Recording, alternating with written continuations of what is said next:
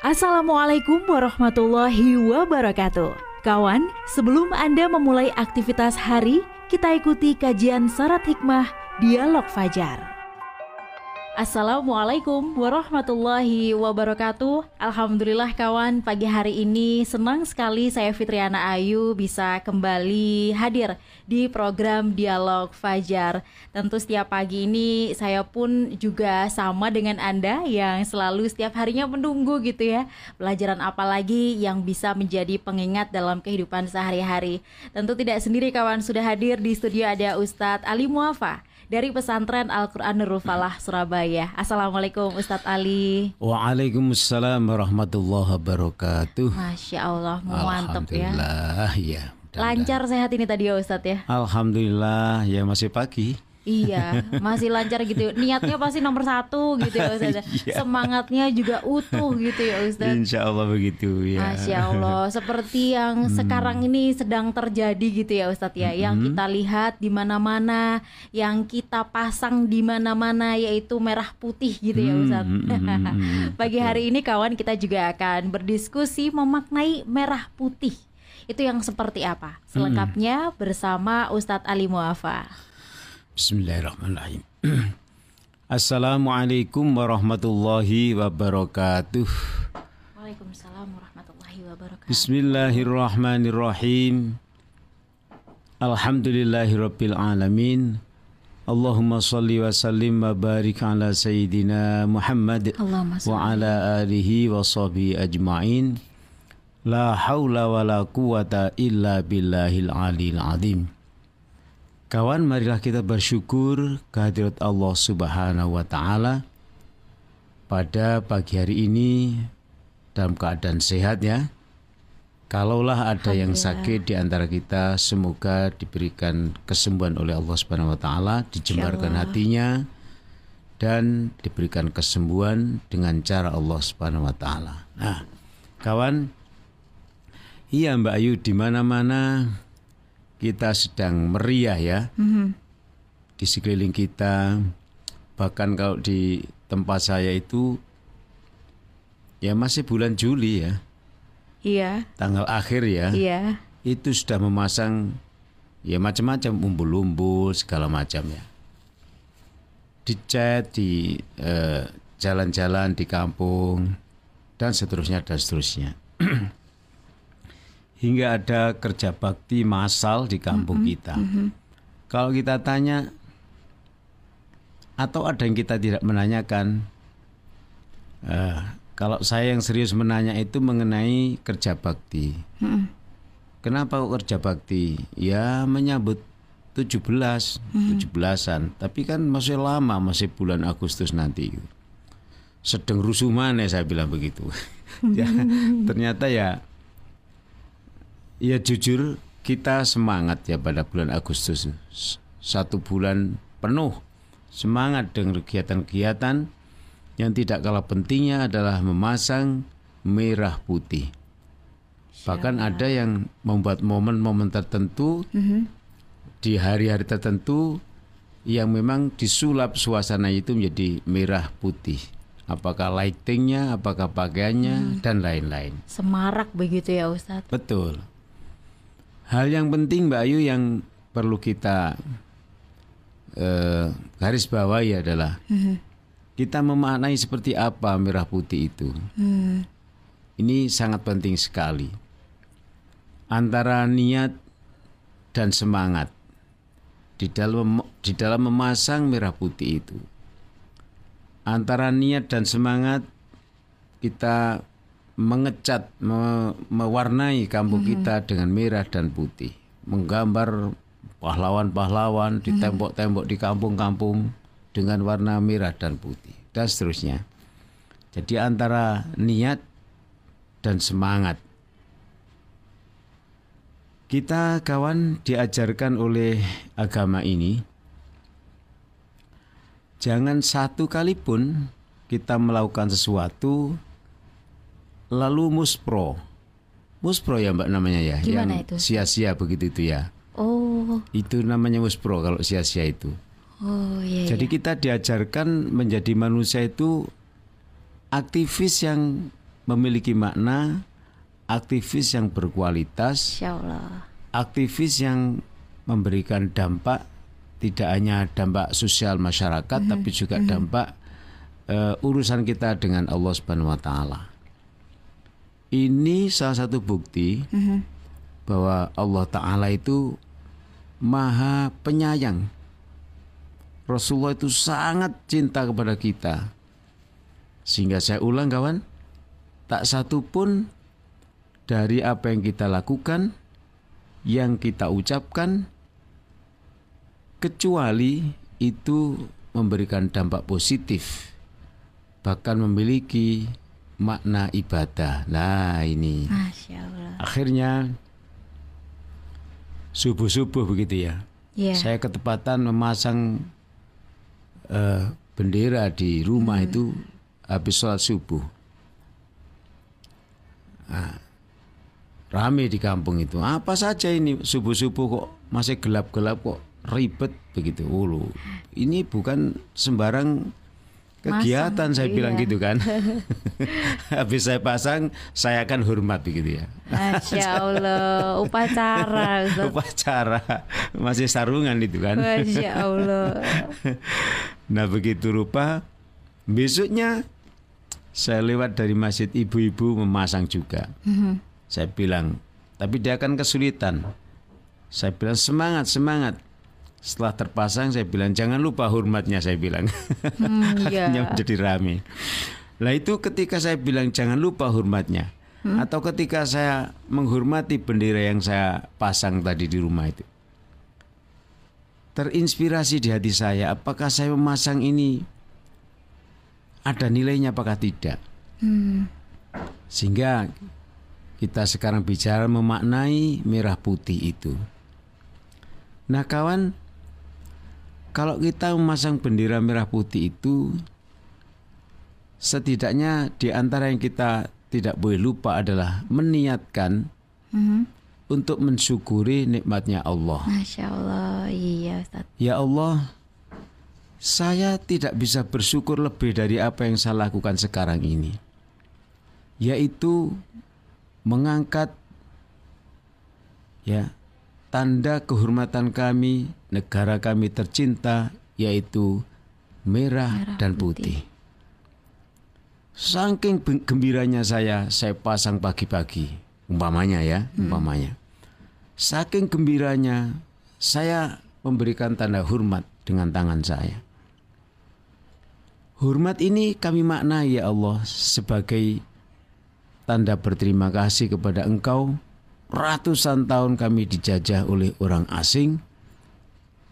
Andaikan tidak, mungkin kami sudah menjadi negara yang kuat. Mm-hmm. Wah macam-macam. Ke mana otak kita berbicara, tapi ujungnya, ya Allah, terima kasih. Tak sanggup orang memerdekakan, tak sanggup siapa pun memerdekakan negara ini mm. dari penjajah kecuali engkau. Itu di dalam Al-Quran disebutkan Mbak Ayu. Hmm. Bahwa andaikan Allah tidak memberikan rizki kepadamu berupa kekuatan untuk bersatu, hmm. maka tak mungkin kita dapat melawan penjajah dan kemudian menjadi menang. Jadi kita bersatu itu ternyata adalah nikmat Allah Subhanahu wa taala. Saya kalau dikasih cerita sama orang tua pada waktu ayah ibu itu mm -hmm. bercerita ya. Beliau mm -hmm. termasuk salah seorang yang ikut berkiprah pada saat ya dulu masih ada penjajah itu ya.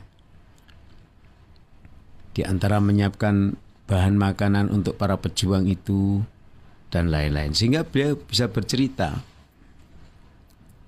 Di antara cerita yang mengerikan itu adalah dengan bahasa kita sekarang. Mbak Ayu yang tetangga saya itu bisa yeah. saling mencurigai hidupnya. Betul Ustaz. Saya curiga sama Mbak Ayu. Jangan-jangan dia ini adalah pengamat dari tetangga, maksudnya tetangga itu penjajah ya. Atau sebaliknya dia Mbak Ayu mencurigai saya. Jangan-jangan Ali Mu'afa ini mata-mata dari penjajah mm -hmm. dan lain-lain. Itu yang diceritakan sama orang tua kita betapa sulitnya hidup pada saat itu. Kita dibikin ya mungkin diadu domba begitu ya dengan iya. tidak tahu caranya bagaimana sehingga kita kawan baik selama ini itu bisa saling mencurigai. Kita tetangga yang baik-baikan selama ini bisa mencurigai. Sehingga apa yang kita lakukan itu tidak bisa disatukan.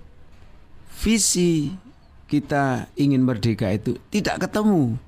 Bagaimana ketemu kita mau musyawarah yang hmm. anggota musyawarah itu di dalam otak kita, perasaan kita, jangan-jangan saya ajak musyawarah ini adalah musuh saya jasadnya memang orang Indonesia, hmm. bahkan tetangga saya. Tapi jangan-jangan mereka telah dibeli oleh penjajah untuk mencari informasi-informasi apa yang direncanakan oleh bangsa Indonesia itu menghadapi penjajah. Kurang lebih seperti itu cita orang tua dulu itu, Mbak Ayu. Hmm saya lalu merasakan ya Allah betapa sulit ya kalau begitu ya. Iya Ustaz. Hidup itu pada waktu itu. Maka sekali lagi kawan, ketika seperti itu kita ingat firman Allah. Bersatulah kalian itu ya dengan tali agama Allah. Di antara makna tali agama Allah itu apa? Allah itu meminta kita supaya bersatu. Bahasa Nabi itu ya syuddu ba'duhu ba'don. Ya. Tembok kita ini nggak bisa berdiri hmm. kecuali komponennya saling menyatu, menyangga. Hmm. Dan seterusnya. Saya tidak bisa makan kalau semuanya harus saya produk sendiri. Saya mesti kita mesti berkolaborasi dengan potensi-potensi yang lain. Hmm. Maka sudah betul kita mengatakan atas dan berkah rahmat Allah Subhanahu wa taala. Atas berkat rahmat Tuhannya Maha Esa kita menjadi merdeka. Syukur yang kita contohkan di event Dialog Fajar tadi ini adalah merupakan syukur yang minimalis Loh, walaupun minimalis tapi bersyukur. Ada syukurnya. Iya, kan betul begitu ya, Mbak ya. Iya. Jadi Allah itu mengingatkan juga, jangan pernah engkau lupa atas nikmat yang aku berikan kepadamu. Karena jika engkau lupa dengan nikmat yang apa yang aku berikan kepadamu, maka maka engkau tidak akan pernah menjadi orang baik. Itu kalau yang ditunjuk adalah perorangan kan kecil ya. dampaknya. Bayangkan kalau yang ditunjuk itu adalah sebuah bangsa yang besar seperti Indonesia. Masya Allah. Lalu redaksinya menjadi begini, kalau engkau sebuah bangsa besar yang aku merdekakan tidak berterima kasih, engkau tidak akan menjadi bangsa yang besar lagi, tidak akan menjadi kuat. Pak ini panjang ceritanya nanti. Iya. Ada nanti kita bahas ya, mhm, mhm. mudah-mudahan di di besok pagi ya Baik Ustaz tadi. Ibrahim ayat 7 itu. Oh, Masya Allah. Nah jadi kawan sekedar menancapkan tongkat hmm. ada lembaran merah putih di depan kita itu Allah dan Rasulullah mengingatkan jangan sia-siakan engkau untuk mendapat, mendapatkan pahala yaitu diniatkan saya mengingat ya Allah pada waktu dijajah Belanda dulu lalu kita tidak bisa bersatu hidup rasanya tersiksa sekian ratus tahun. Dan dengan caramu yang singkat engkau telah memerdekakan aku, kami semua. Mm-hmm. Dan kami masih ingat merah putih itu. Ya, kami pegang erat-erat. Kami tunjukkan kepada dunia bahwa mm. Allah telah meridhoi kami menjadi bangsa yang merdeka. Maka kali ini saya peringati ya Allah, saya tancapkan ya di depan rumah saya ini merah dan putih sebagai tanda terima kasihku kepadamu. Hmm. Ah, subhanallah. iya. Malaikat segera mencatat ini orang yang tahu hmm. ya. Orang yang mengerti bagaimana bagaimana harus bersikap orang yang tidak per, pernah tidak pernah lupa bagaimana harus bersikap orang yang tidak pernah lupa akan kasih sayang Allah yang diberikan kepada bangsa Indonesia ini. Walaupun sekali lagi kawan, hmm. itu hanya mengucapkan alhamdulillah. alhamdulillah. Atau dengan bahasa Indonesia, terima kasih ya Allah, Engkau telah memerdekakan kami semua. Pagi ini setelah saya menancapkan merah putih, hmm. saya segera melanjutkan perjalanan untuk mencari nafkah. Nah, Dulu pada waktu ayah kita hidup, tidak sebebas saya mencari nafkah seperti ini, karena bisa ditembak oleh musuh mm -mm. dan lain-lain. Nah, begitu kawan, mudah-mudahan uh, momen merah putih yang kita kibarkan di berbagai sudut negeri kita tercinta ini menjadi tanda dan niatan kita mensyukuri nikmat Allah Subhanahu wa taala. Bangsa ini semakin kuat ke depannya. Amin, amin ya rabbal alamin. Ya rabbal alamin. Alhamdulillah tidak hanya sekedar memasang saja ya Ustadz Ali ya. Betul. Jadi niat dan semangatnya itu tetap harus dilanjutkan terus bersyukur itu juga kapan pun gitu. Alhamdulillah. Betul. Terima kasih Ustadz Ali Muafa sudah mengingatkan kita semua. Demikian juga kawan dialog Fajar pagi hari ini. Kita bertemu kembali insya Allah besok ya. Saya Fitriana Ayu dan juga Ustadz Ali Muafa pamit. Wassalamualaikum warahmatullahi wabarakatuh. Waalaikumsalam warahmatullahi wabarakatuh. Program Dialog Fajar yang baru Anda simak kerjasama Suara Surabaya dan Pesantren Al-Quran Nurul Falah Surabaya, lembaga dakwah yang amanah, profesional, dan berbasis Al-Quran. Pesantren Nurul Falah mencetak guru-guru Al-Quran dengan metode tilawati dan tafidz Al-Quran. Informasi dan pemberian donasi hubungi 031 828 1278 atau nurulfalah.org. Wassalamualaikum warahmatullahi wabarakatuh.